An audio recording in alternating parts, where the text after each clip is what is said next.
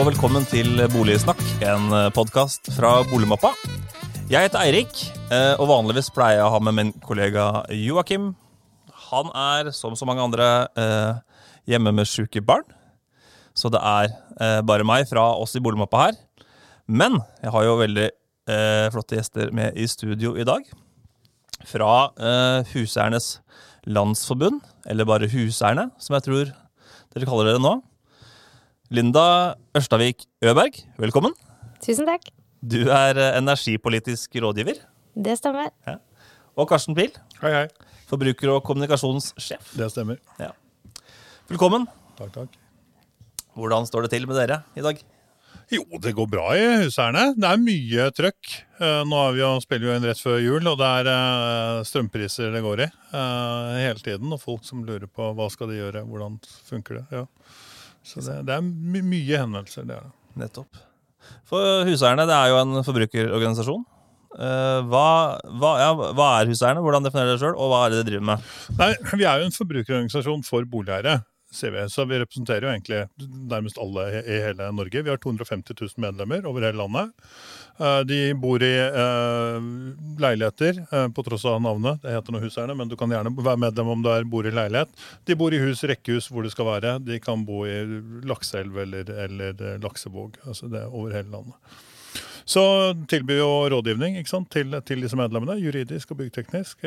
Litt medlemsfordeler og, og politisk påvirkning, da. Nettopp. Hva er, det, hva, hva er de typiske sakene folk eh, kommer til dere med? Veldig mye saker knyttet til juridisk rådgivning, knyttet til f.eks. utleiespørsmål. Uh, der er vi gode. Vi har ti advokater hos oss som er ja, vi, skal, skal vi si at det er Norges beste advokater på, på boligområdet for forbrukere. Uh, det kan være naboklager, det kan være byggesaker, forskjellige typer ting. Og så er det byggteknisk rådgivning. Og så er det strømspørsmål, da. De får Linda. Ikke sant. For du, Linda, du er jo inne på det. Du er energipolitisk rådgiver. Stemmer. Jeg er jo egentlig journalist, men jeg har blitt kasta ut i dette her, og nå begynner det å bli eh, veldig moro. Det skjer jo mye, og vi ser at forbrukerne faktisk begynner å bry seg litt om eh, strømregninga, så det er bra. Ja, ikke sant. Man bryr seg om ting som koster mye? Ja, det pleier ofte å være en sammenheng der. Det er lavinteresseprodukt når eh, prisen er lav. Og så når, eh, som nå, når man ser høye priser og mye annet som treffer en samtidig, så blir man opptatt av det. Så bra. I dagens episode så skal vi se litt inn i spåkula. Inn i 2022. Og se hvordan blir rett og slett boligåret. Mm. Vi skal snakke om selvfølgelig den nye avhendingsloven. Kjøp og salg av bolig. Vi skal snakke om strøm. Eh, vi skal snakke om bank og bankkonkurranse, som jeg vet huseierne er opptatt av. Eh, avgiftsnivået og eh, ikke minst hvordan boligeiere kan forholde seg til det grønne skiftet. Og hvordan sette disse tingene i, ut i praksis. Men jeg tror vi begynner på toppen. 1.1 så trer den nye avhendingsloven i kraft. Endelig. Endelig. Endelig. Hurra. Og så må jeg arrestere deg med en gang, Erik. Det er jo ikke en ny lov. Det er den gamle loven. Eh, det er bare med noen endringer. Endringer er faktisk ikke så mange engang. Eh, men det er jo viktige endringer da, for alle som skal kjøpe og selge bolig. Eh, det er endringer på ansvarsgrunnlaget for de som skal selge, og det er endringer på ansvarsgrunnlaget for de som skal kjøpe. Eh, og Målet er jo, eh, og det er sikkert dere Boligmappa veldig glad for, målet er jo eh, å, å, få frem mer dokumentasjon om boligene som skal selges, sånn at vi dokumenterer boligene bedre. Vi får mindre hva skal man si, opplevd skuffelse, som er et begrep som ofte brukes. som jeg tenker er ganske bra. Godt begrep. Jeg syns det. Ja, um, opplevd skuffelse. Og, og, og, for så vidt også mindre konflikter, og som skal gjøre at, at bolighandelen skal gå bedre, rett og slett. Og dere i Huseierne har jo stått i bresjen det har vi. Sammen med en rekke andre organisasjoner. Her har vi jobbet ganske tett. og vi, Det har vært lang, lang vei fram til målet. her, og det var ganske tidlig, altså Loven er fra 92 og, og, og trådte i kraft rett etterpå. Og, men, men, ganske tidlig så var det jo mange som mente at det funka Virker dette egentlig, egentlig helt som det var tenkt? Eh, og det gjorde de jo ikke, bl.a. fordi vi brukte den spesielle unntaksregelen i, i, lovverket som heter at du kan selge som nær, eh, som egentlig bare var et bitte lite unntak, som egentlig ikke var tenkt å bruke som hovedregel i det hele tatt. Det ble plutselig hovedregelen, eh, og det var ikke loven bygd opp for. Og da ble det jo mye styr, mye, mye diskusjoner. Mange som syntes det var liksom vanskelig å forholde seg til, til bolighandelen. Så jeg tenker at det, det, vi gjør nå, er på en måte å få rydda opp. Vi går tilbake egentlig til hovedregelen og utvidet den litt og presisert den litt. Grann, uh, og vi gjør en bedre, bedre lov. Og, og som du startet med, det, Eh, snøballen begynte vel å rulle litt da, da Forbrukerrådet, vi, eh, Eiendomsmeglerforbundet og Norsk Takst eh, slo oss sammen og gikk runden til politikerne og sa at nå må vi få skjerpa opp dette her. Og så hadde vi flaks at det ble en regjeringsendring, så vi fikk enda en ny regjeringserklæring i Solberg-regjeringen. Det skjedde jo, det kom jo en del av de. Og, så, og der tok de med seg at de ville forbedre dette, her, så da, da, ble, da begynte snøballen å rulle. Så det, det, da er vi her, endelig, etter det er to år siden lovendringen ble vedtatt, og så kom det en forskrift, og så nå er vi klare. Nei, ikke sant. Og så har det jo vært eh, det har jo vært mange som heia på denne nye loven. Eh, det er jo vanskelig å være så veldig imot en tryggere eh, bolighandel. Skulle tro det. Ja, Men det har jo vært noen stemmer. Ja, det har vært noen få, egentlig.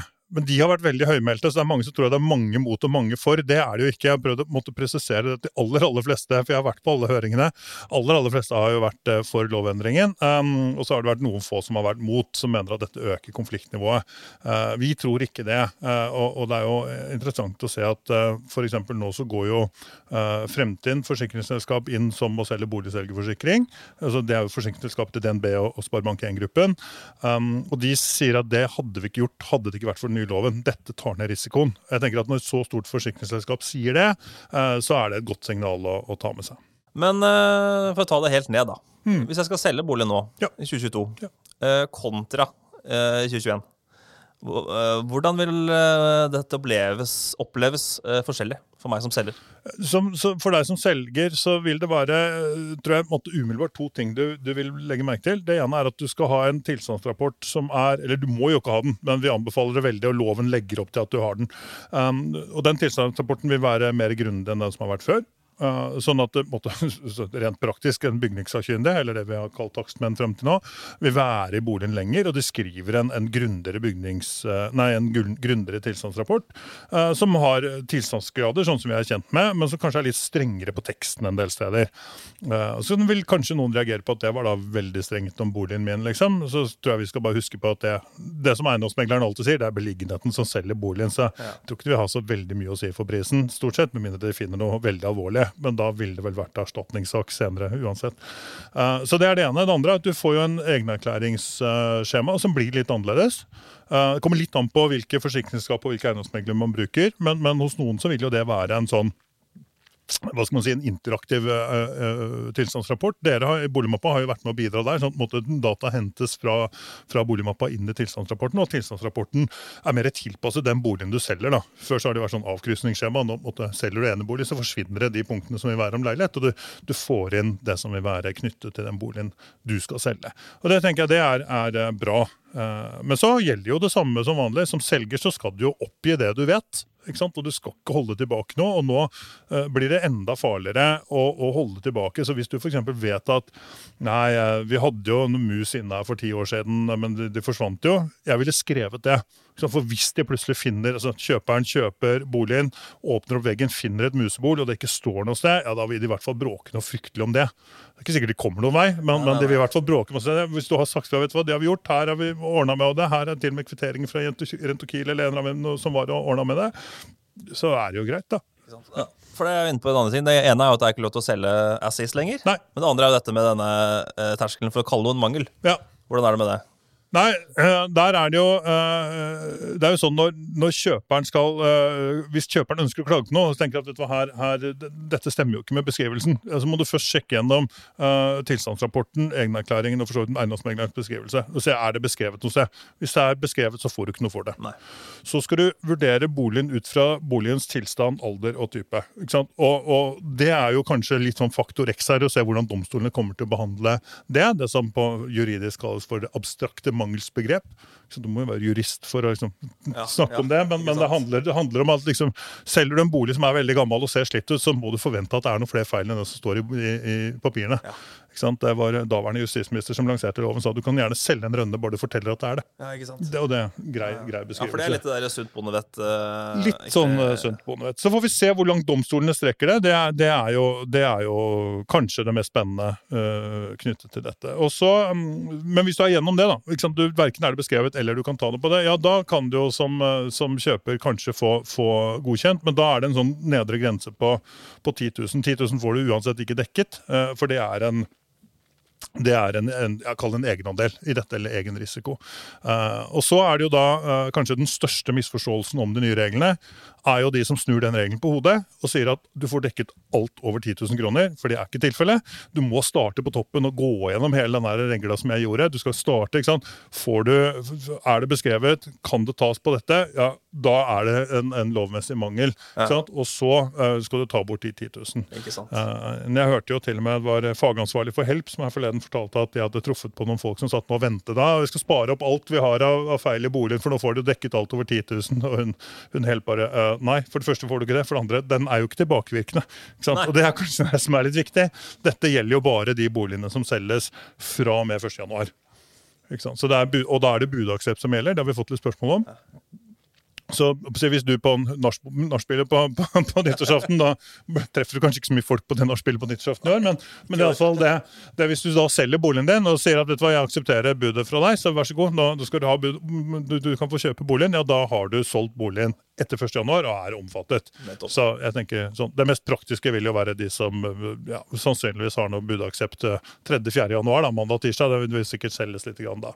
Så, men det kan jo være da, bare for å ta det, det Ja, kan jo være noen har vært på visning i romjulen eller før, og så går bunnrunden 3. januar, altså mandag 3. januar. Selv om alt har visning og alt har vært før, så er det, er det aksept da, så, så vil det være det som gjelder. Ikke sant? Mm.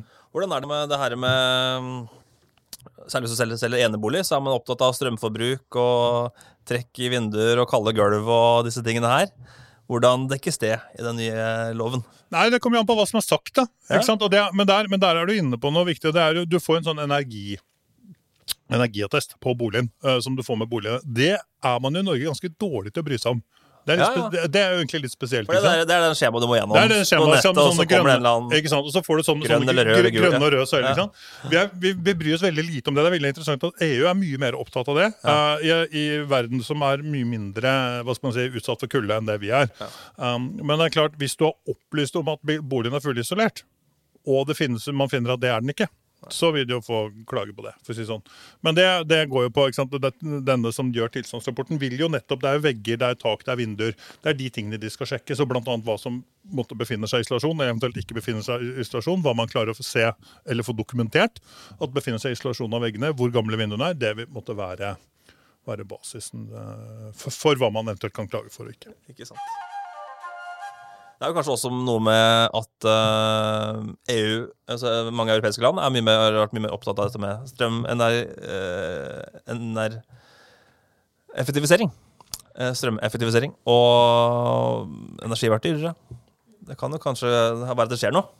Ja, det stemmer nok. Vi har jo, vi har jo tradisjonelt sett hatt ganske billig strøm her hjemme. Eh, og ser jo det slik at eh, andre steder i EU så har man gjerne kommet litt lengre når det kommer til gode ordninger for forbrukerne. Eh, og det å få oss med eh, på både energi, energieffektiviseringstiltak, men også eh, de tingene som går på bærekraft og det grønne skiftet. Så vi har nok litt å gå på her, eh, både fra høyere hold, men også eh, på forbrukerfronten. Ikke sant? Vi skal straks over på dette her med, med, med strømprisen, som hele Norge har vært opptatt av. Det er det og, og omikron. Eh, men eh, på tampen, eh, Karsten, om avvenningsloven. Eh, vi i Boligmappa, som driver med dokumentasjon på bygg og bolig, vi får mye henvendelser på Facebook og på telefon. eh, folk som er bekymra. Fordi de, de ringer oss og sier jeg bor i et gammelt hus. Jeg har jo ingen dokumentasjon på noe som helst. Er ikke boligen min verdt noe, da? Jo, det vil den jo være. ikke sant? Ja, og, det, og, vi, vi, får, vi, og vi får jo de samme, vi de samme spørsmålene. Våre byggtekniske rådgivere får jo, får jo veldig mange av de spørsmålene. Både fra de som ikke har noe dokumentasjon, eller de som har gjort eget arbeid. Men det er klart, den dokumentasjonen er jo viktigere jo nyere boligen er. Det er klart, Hvis du har gjort veldig mye, altså hvis du har pusset opp badet selv de siste to årene, så får du ikke dokumentert det, og da vil du måtte få tilstandsgrad deretter. Eh, hvis du har satt opp en lettvegg, så er det mindre farlig. Det er, ikke det er bare ja, OK, greit nok, da kan man gå og dunke på den veggen, ja, den ser grei ut. Um, så, så, men basisen er jo Boliger er jo verdt noe selv om man ikke har dokumentasjon på det. Det er bare at du får en dårligere tilstandsgrad, og du får kanskje en beskjed om at vet du hva, her er vi litt usikre, så her må du måtte forvente å gjøre noe med boligen, f.eks. Men, men det ville man jo fått uansett. Altså Om, om du ikke har kvitteringer på vinduene du bytta for 15 år siden, så, så klarer vi å se Det står jo sånn datokode i vinduskarmen, ikke sant? så du kan jo se når er de vinduene fra. Uh, så, så det vil jo på en måte bare fortelle hva, hva som er gjort der. Men jeg tenker det man jo særlig skal gå på leting etter hvis man skal selge, det er jo eh, bekreftelse på hva som er gjort. Altså, hvis du har pustet badet innenfor de siste ti årene, da, kanskje 15, så skal du se om du finner igjen de kvitteringene. Eventuelt ringe den rørleggeren som er. Det er utrolig faktisk hvor flinke de er til å ta vare på kvitteringene sine. Jeg har vært med på det selv. Eh, De fant fram det. De har jo oppvaringsplikt på sånne ting, de også. Um, elektrikerarbeid, åpenbart. Eh, Så kanskje særlig det. Eh, Og også ville jeg kanskje sagt hvis du har bytta taket. Men nå er det ganske lett å se, da. Men måtte det sånne store, dyre ting, å finne fram dokumentasjon på det, det kan være viktig. Så bruke litt ekstra tid på det. Det blir kanskje litt som å selge en bruktbil. Klart da Skal du selge en fem år gammel bil og du ikke har noe papirer på noe som er gjort, eller ti år gammel bil, så får du kanskje litt mindre for den da, Ja. enn en som er eh, godt Ja. dokumentert. Ja. Fra Møller, eller ja. Ikke sant? Men her vil, det, her vil det være veldig varierende altså, hvor den boligen bor og hvordan det er. Noen steder så er det bare ja, det, det er tomta som egentlig er verdt noe som helst. Og så er det hyggelig at det, liksom det, hva boligen har vært, er egentlig måte, litt sånn på toppen. Andre steder, eh, hvis man kommer litt ut, ut i, landet, så er det kanskje så er det boligen og boligens verdi som er mer verdt enn en, en det tomta er verdt. Så, så det må man se an litt. Men, men jeg tror nok det som er lurt hvis du skal selge bolig over nyttår, er å øh, tenke at man trenger litt mer tid sant, i prosessen som selger. Sånn Ja. du, skal, sant, du må snakke med eiendomsmegleren, og så må, må du gå gjennom hva er det nå vi trenger, og så må du ha tid til å finne den type dokumentasjon og gå gjennom og finne og hente fram. Så det tenker jeg er viktig. Og så kan man også regne med at det vil koste litt mer. Kan man ikke det? Takstene, eller tilstandsrapportene, vil koste litt mer, sannsynligvis. Eh, Og så er det veldig usikkert hvordan disse, hvordan det, hva som skjer med forsikringspremiene på, på boligselgerforsikringen. Eh, Noen aktører har sagt at de kommer til å øke prisene, eller de har sagt at risikoen øker. Som igjen altså, Når forsikringsfolk sier at risikoen øker, da øker prisen. Eh, Andre har sagt at de vil måtte kunne tilby bedre priser fordi risikoen synker. Man skulle jo tro at når en bolig er bedre dokumentert, man har mer papirer på hva som er gjort, så vil Det er jo det som er vårt hovedargument, og som vi ser flere og flere også henger seg opp i. Ja, men Det blir spennende med, det nye, med dette nye lovverket, eh, og klart at mye vil sette seg utover, eh, utover året. Det vil det være, og det blir veldig spennende å se hvordan, eh, altså både hva som kommer av saker. For det vil komme mer saker. Hvert lovskifte gir mer saker. Så de som har liksom sagt at nei, vi kommer til å få mer saker og mer tvister i starten, ja, de kommer jo til å få rett. Så hvis de kommer til meg og sier ja, du, hva var det vi sa, så sier jeg at det har jeg allerede sagt og du har sagt. Så det, så, men vi håper jo at det vil sette seg over tid, og at kanskje domstolene tar noen sånne eh, hva skal man si, litt sånne, sånne signalsaker for å få avgjort en del prinsipper ganske fort. da. Vi gjør et skifte til eh, strøm, energi, nettleie. Det er et tema mange nordmenn har vært eh, veldig opptatt av i høst. Vi har sett noen priser som ikke har ligna grisen, i hvert fall ikke de siste åra. På 3-4-5-6 kroner per kilowattime. Det har kosta å, å bo i Norge. Det har vært kaldt. Eh, Linda, dette er det dette du jobber med Ja, stemmer. til daglig. Får du mye telefoner? Ja, det får jeg. Eh, vanligvis så får jeg en del telefoner som går på litt sånn strømavtale eh, og EU-samarbeid og så videre, men nå er det utrolig mange eh, telefoner som går direkte på strømpris, så det merker vi veldig godt nå at eh, nå begynner det å svi for mange, eh, og de begynner å merke at den regninga faktisk utgjør en del av husholdningsbudsjettet. Ja, Ikke sant?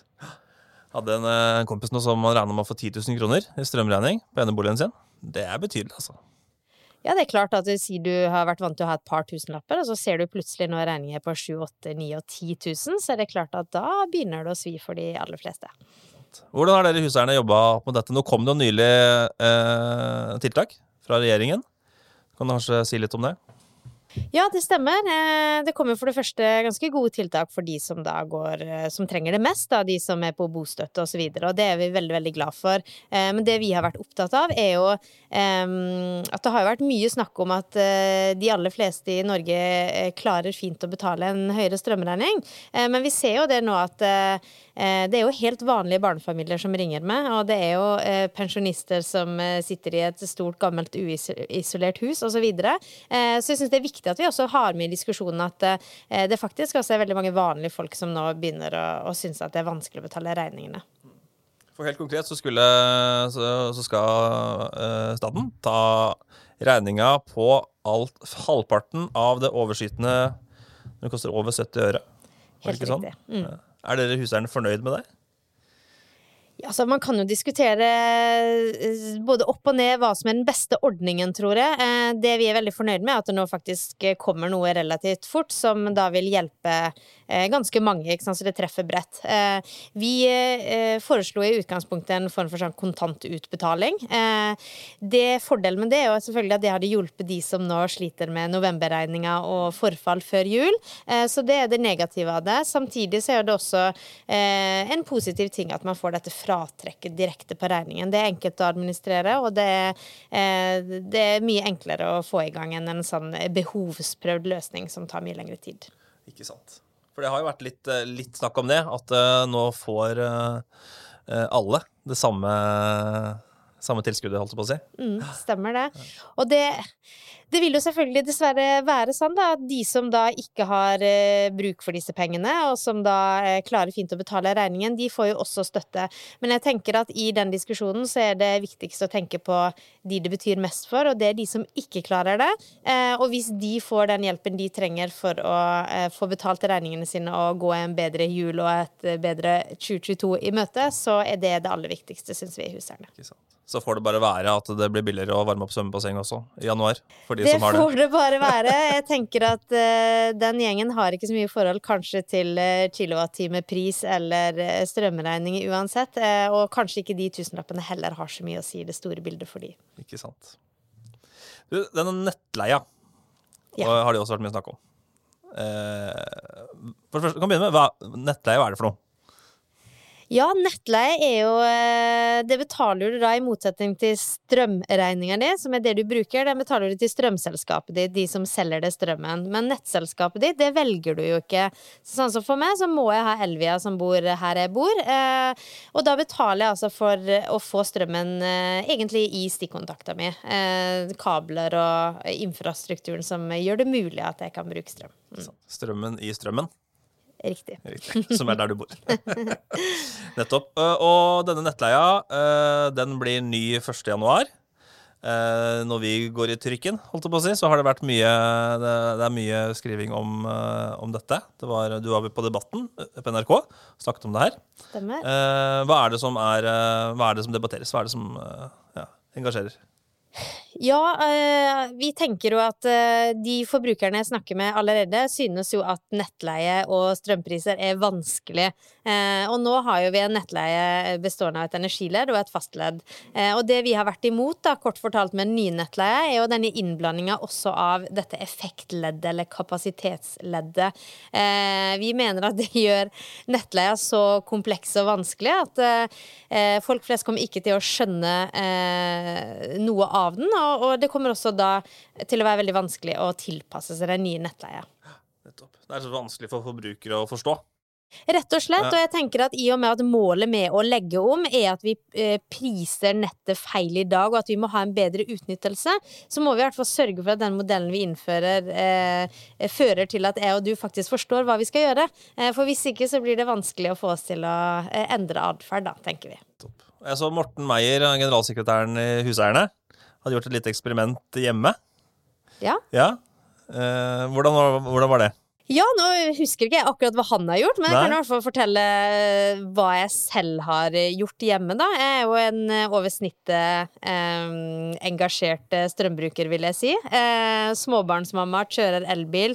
Lader for øvrig den allerede nå, bare om natta. Eh, og likevel så ser jeg da eh, at eh, hvis jeg da en lørdag eller søndag har vaskedag, eh, må kjøre tørketrommel og vaskemaskin samtidig, som noen kanskje går i dusjen eller vil lage middag, da ser jeg at på disse lørdagene og søndagene så får jeg dette hoppet eh, i denne kapasitetstrappa. Eh, og kort fortalt så betaler jeg eh, 1380 kroner i året nå i fastledd eh, hos Elvia. Men jeg ser da at med en gang den nye nettleiemodellen kommer, eh, så vil jeg da eh, noen ganger i måneden hoppe opp på dette steg tre eller fire, som innebærer da 4500 kroner på det fastleddet i nettleien.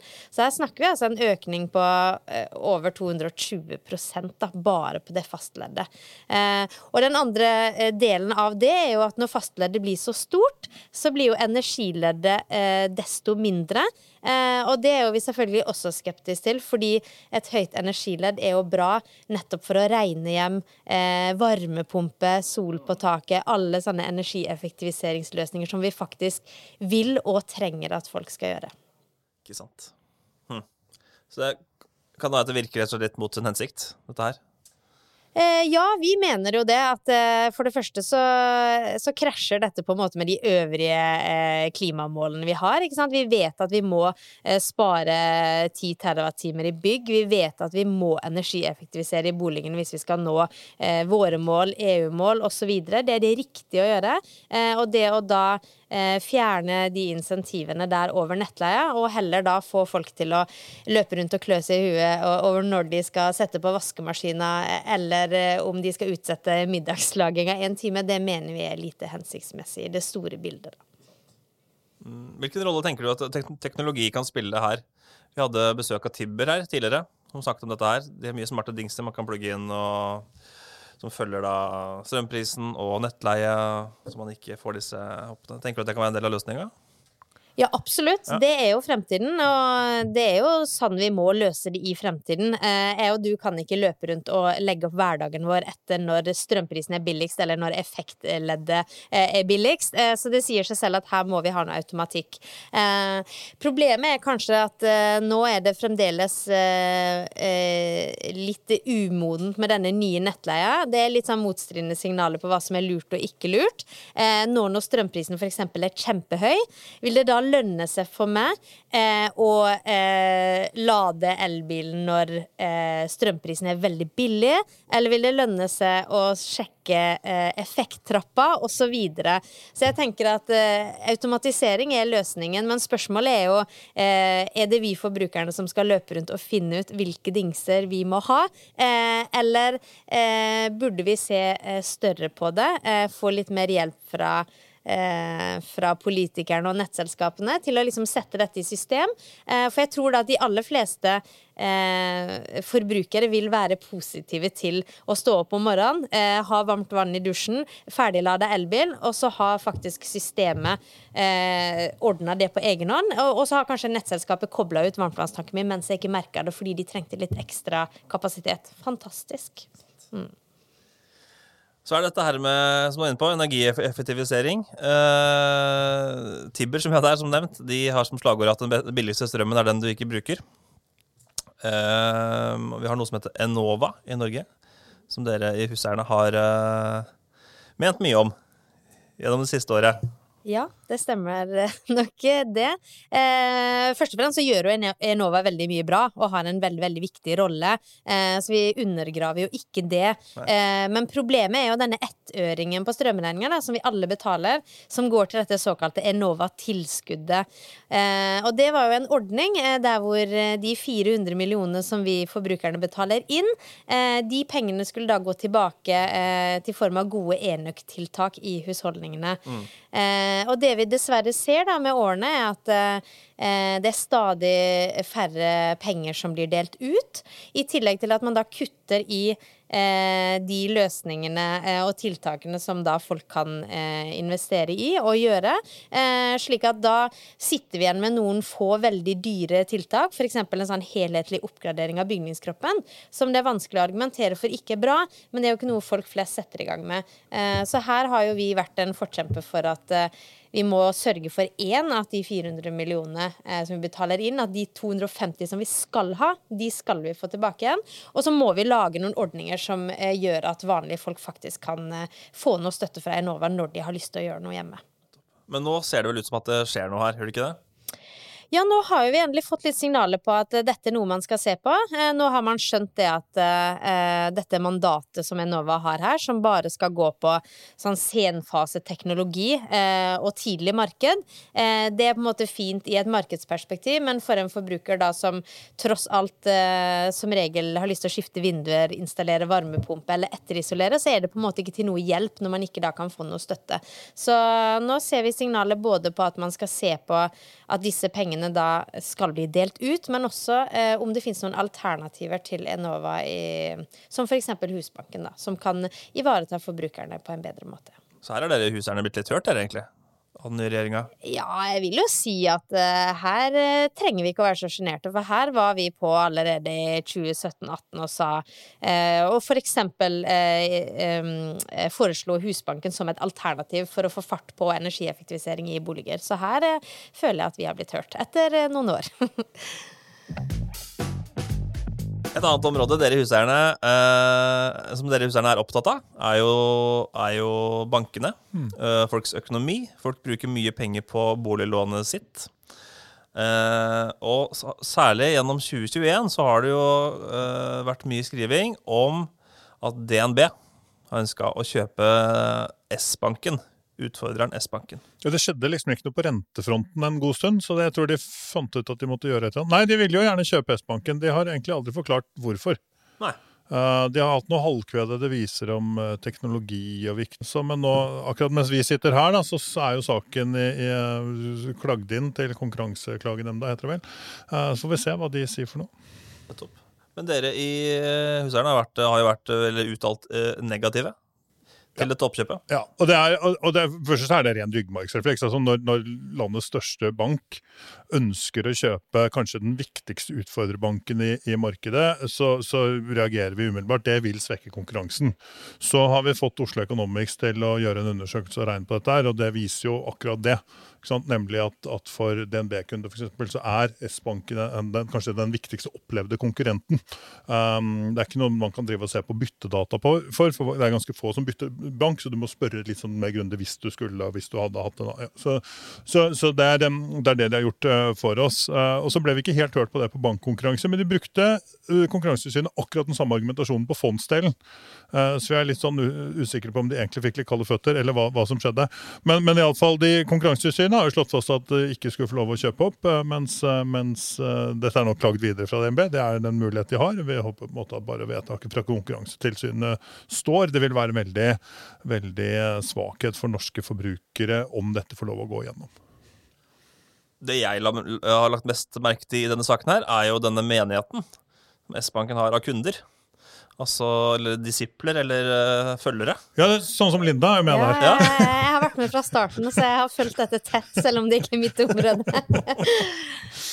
Nettopp. Det er litt som man ser liksom blant noen enkelte elbileiere eller som bruker en type telefoner, eh, datamaskiner. Man ser en sånn hengivenhet. Ja, ja. veldig. Og, men, men det, det, jo, det, understreker akkurat det der som jeg sa, at dette er kanskje den viktigste utfordrerbanken. For man, man, sier at nei, det finnes jo masse andre banker i Norge. Ja, det er helt riktig. De fleste nordmenn kan kanskje få, få lån i opptil 60 banker. Kommer litt an på hvor du bor hen. Mm. Uh, selv om det, det, er mange som sier ja, det finnes over 100 banker i Norge. Ja, det gjør det, men det er veldig mange av de som er regionale. Så du, du får jo ikke lån i alle. Uh, men måtte, med alt som finnes av nettbanker og folk som sier de er landsdekkende, så, så er liksom maks er rundt 60. Uh, eh, men så sjekket vi i fjor og gjorde en undersøkelse og sier ok, hvis du går i liksom ulike kommuner, og de som sier de gir lån i de kommunene, hvor mange er det? Og da, da er det veldig stor forskjell. Og det er flest på Jessheim, der var det syv eller åtte. To av de har nå slått seg sammen. og så er det færrest i Nord-Norge. Der er er det egentlig bare hvis, måte, to banker du reelt sett klarer å få lån i hvis du ikke bor i type sånn byene. Det er Sparebanken Nord-Norge, eh, og det er eh, DNB. Eh, og det er det du har. Uh, og det har med, måte, Der bor folk på en måte veldig spredt, og det er ikke, uh, det er ikke noe, noe stor konkurranse. Det er vanskelig å få lån i nettbankene, for de sier at nei, de vil ofte ikke bare svare deg. Eller de sier at nei, her er det, du bor i et sånt område at vi tør ikke å vite om verdiutviklingen på den boligen, så du får ikke noe lån. Og Da er du prisgitt to banker. og Det er klart, det er ikke veldig høy konkurranse. Og det er klart, det S-banken har gjort gjennom 20 år, er at de har utfordret på gebyrer, de har utfordret på, måte, kvaliteten på banktjenestene, nettbanken og sånn, og de har utfordret på, på, måte, på, renter og hvordan de har markedsført seg. Um, og, og, det har de gjort veldig bra, sånn at de andre bankene har fulgt etter. Og det er, det, er, det er, ganske viktig. Og så er det, og det skal ikke stikkes under stol, DNB har gjort en kjempejobb, så de har en veldig bra nettbank der òg. Som jeg tror det er en del i den menigheten som ikke vil, ikke vil være med på. Men, men, men, det har de virkelig. De har gjort en kjempejobb. Og det er derfor det er så rart at de bruker teknologi som basis for hvorfor de skal kjøpe dem opp. Da, da, ser vi at hva, Det er jo bare for å få tak i de kundene og få en brysom konkurrent ut av markedet. For Vi gjør jo en rentebarometer hver eneste måned, og så ser vi på hvilke andre banker er som ligger på toppen der nå. Og Det er stort sett bare banker som er eid av andre. Det er Bulder, Mange trekker frem Bulder, men de er eid av Sparebanken Vest. og det er sånn, Sparebanken Vest gir lån på Vestlandet til folk som bor liksom på ytterste Nøknø, og for så vidt i Bergen også, men Bulder er liksom den banken som konkurrerer på landsdekkende basis. Men, men, men, men de er jo eid av noen, så liksom, de, har en, de, har et litt annet mandat. Og det gir ikke lån hvis du bor litt sånn grisgrendt eh, til. Eh, det, altså det, og det er de helt åpne på. De, de, står i forklaring på hvorfor får ikke jeg lån her. Um, og det ser vi liksom, Hvis du går nedover på listen, så vil du se det samme på veldig mange andre banker. og de de er eid av noen andre. Eh, og, og, og da, er en, jo da, er det en, utfordring da å få, få, konkurranse der. Og det er der Sparebank, eh, nei, unnskyld, der S-banken har, har, vært en veldig viktig konkurrent. Og det kommer til å ta kjempelang tid for noen andre å bygge seg opp den, den konkurransekraften igjen. Og Det er derfor vi har vært så, vært så veldig engasjert i denne saken. da for å sørge for at konkurransen opprettholdes. Fordi S-banken har hva skal man si, holdt de andre bankene i øra. Og det gjelder jo ikke bare DNB, men det gjelder alle de andre bankene også. Ja. De har skjerpet seg. Man får bulder fordi noen vil konkurrere med S-banken.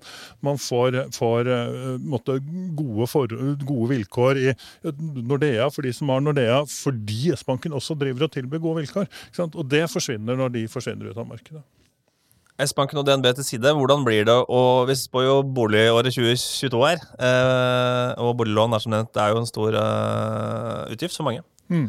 Hvordan blir det å være boliglånskunde? neste år? Jo, Det er et veldig godt spørsmål. Uh, vi vet jo allerede, vi gjør en bokostnadsindeks hvert eneste år. Vi ser på hvilke kostnader er det måte, du har som boligeier. Uh, og For de aller aller, aller fleste så er det boliglånet som er den største. og Den er den desidert største. og Bor du på Østlandet, så er den liksom kjempestor. altså Da har du av og til renteutgifter som er større enn bokostnadene i, i andre, hvis du bor i, i, i grisgrendte kommuner. Uh, så det er klart, renteutviklingen vil være interessant. Nå sitter vi her på en tirsdag, og på torsdag er det rentemøte. ikke sant? Og nå har vi midt i lockdown, liksom, så det er veldig usikkert egentlig hva Norges Bank kommer til å gjøre. Ja. Um, vanligvis er de jo ekstremt forutsigbare, så vanligvis ville vi sagt de skal sette opp renten på, på, torsdag. Sannsynligheten for at de gjør det er vel kanskje høy, men jeg kan ha blitt tatt feil på det. Men, men, men, men det, de har jo spådd fem renteøkninger i løpet av de neste to årene, og de renteøkningene kommer til å komme. Så, så, det er bare, så spurte han bare når. Eh, for, for, for renten, De satte jo ned renten ganske brutalt da, da, da, pandemien traff.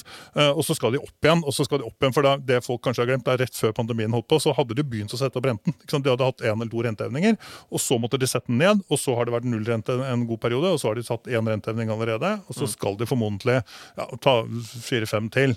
Så vi skal liksom opp på et sånt type normalrentenivå. Boligrenten din og min er i området rundt 3-3,5 eller annet sånt. sannsynligvis. Um, så, så, det kommer jo til å øke. Og dette treffer samtidig med at strømprisene går opp. Ja.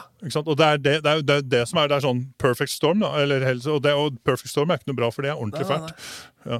Dette er Bokostnadsindeksen, ja. Det er noe dere lanserer årlig? Ja. Huseierne? Ja. Uh, og kommunale avgifter mm. går innunder her. Det er med der. Det er noe dere også er opptatt av? Kommer til å øke, de òg. Hva som skjer med vann og avløp og disse tingene her? Ja. Det skal opp. Det skal opp. Som, som alt annet. ja. Og, det er, jo, og det, er, det er, jo, to grunner til det. For det første så er det strengere krav til vannkvaliteten.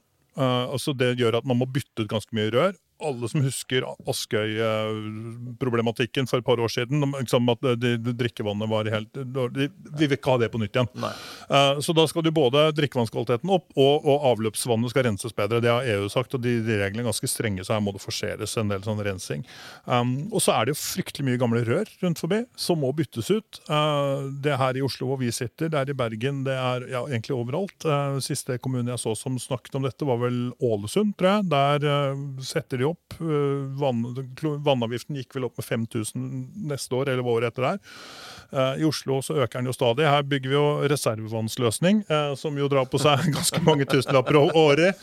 Og det er jo kjempebra. Hvis noe skjer med Maridalsvannet, så er det jo ikke noe vann igjen til, til, folk i Oslo. Så jeg tenker det er kjempelurt at vi har to vann å kunne ta vann fra. Ja, ja. Det er vel ingen er ingen som er uenig i det. Nei, ingen er uenig i det. Det er bare Nei. at det koster fryktelig mye penger. Fordelen i Oslo er at det bor veldig mye folk, så vi kan, vi kan, den kjemperegningen kan vi fordele på ganske mye mennesker. Um, det er mye vanskeligere når du bor ute i landet, hvor det er liksom, istedenfor å måle mennesker per kilometer rør, så måler du kilometer rør per menneske. Da blir det veldig veldig dyrt. Og, og det finnes noen rapporter som sier at det der vedlikeholdsetterslepet i vann og avløp det ligger på 320 milliarder kroner. Som er sånn fjerdedels statsbudsjett. eller noe sånt. Så det er ganske mye penger. da. Så kan man sannsynligvis effektivisere noe av det. Man kan gjøre en bedre, sånn ny teknologi og få det til å bli litt bedre. Eh, Men de pengene skal inn. Og da er det sånn med kommunale avgifter at de betaler du og jeg. Eh, Det som heter selvkomstprinsippet. Eh, Og, og, og sånn er reglene. Vi, vi skal betale det. Og, og da går regningen opp, da. Men vi ser at i noen kommuner så kommer den regningen til å bli så høy at du kanskje får vannavgifter på sånn 30 000-35 000 kroner.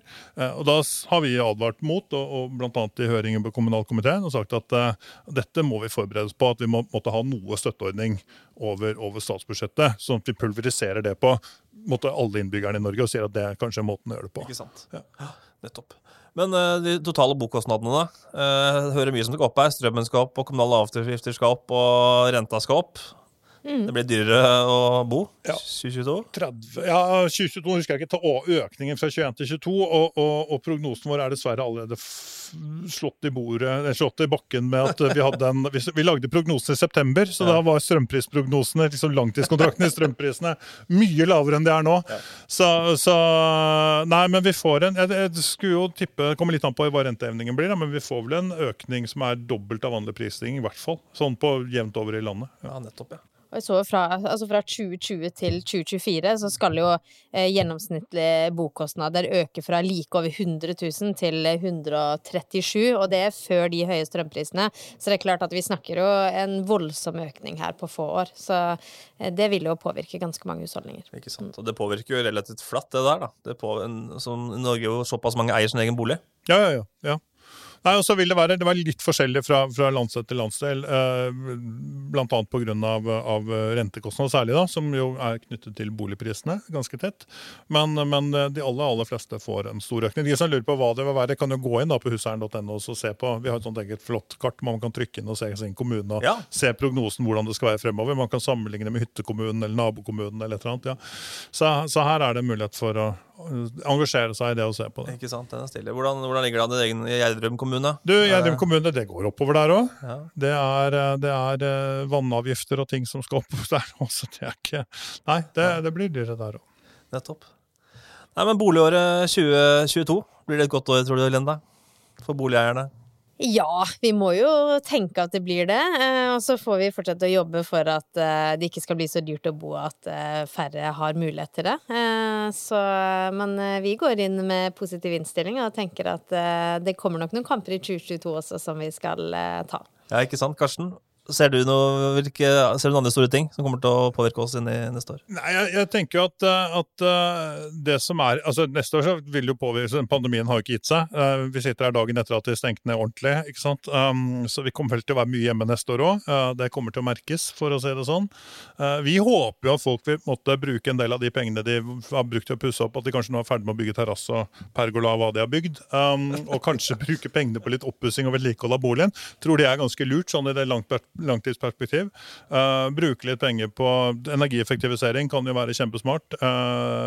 Liksom de beste rådene om energieffektivisering for de fleste er jo uh, etterisolasjon og bytte vinduer. Ja. Verdens kjedeligste råd, men veldig smarte. Kjempekjedelig, ja. Ja, det er ordentlig kjedelig, men, men, men veldig lurt. da, Og da trekker det ikke fra vinduene, det blir varmt og godt. og Det er, det er bra, om du bruker mindre strøm. så jeg tenker at Det er en sånn ting, og det er jo litt det som vi var innom i starten, dette med energieffektivisering, sirkulær økonomi. De fleste av byggene vi bor i, de, um, de, de fleste byggene vi skal bo i om 100 år, de er allerede bygget. Så vi må bare ta veldig godt vare på det. Og i en hverdag som blir litt våtere og villere, så må vi ta litt ekstra godt vare på det. Så det tenker jeg, det er liksom håpet mitt for, for boligeiere, at vi, vi bruker litt ekstra penger på det neste år. Veldig bra. Karsten Pil, forbruker- og kommunikasjonssjef, og Linda Ørstavik Øberg, energipolitisk rådgiver, begge fra Huseierne. Takk for at dere kom, Takk, takk. Takk, takk. og godt nyttår. Likeså.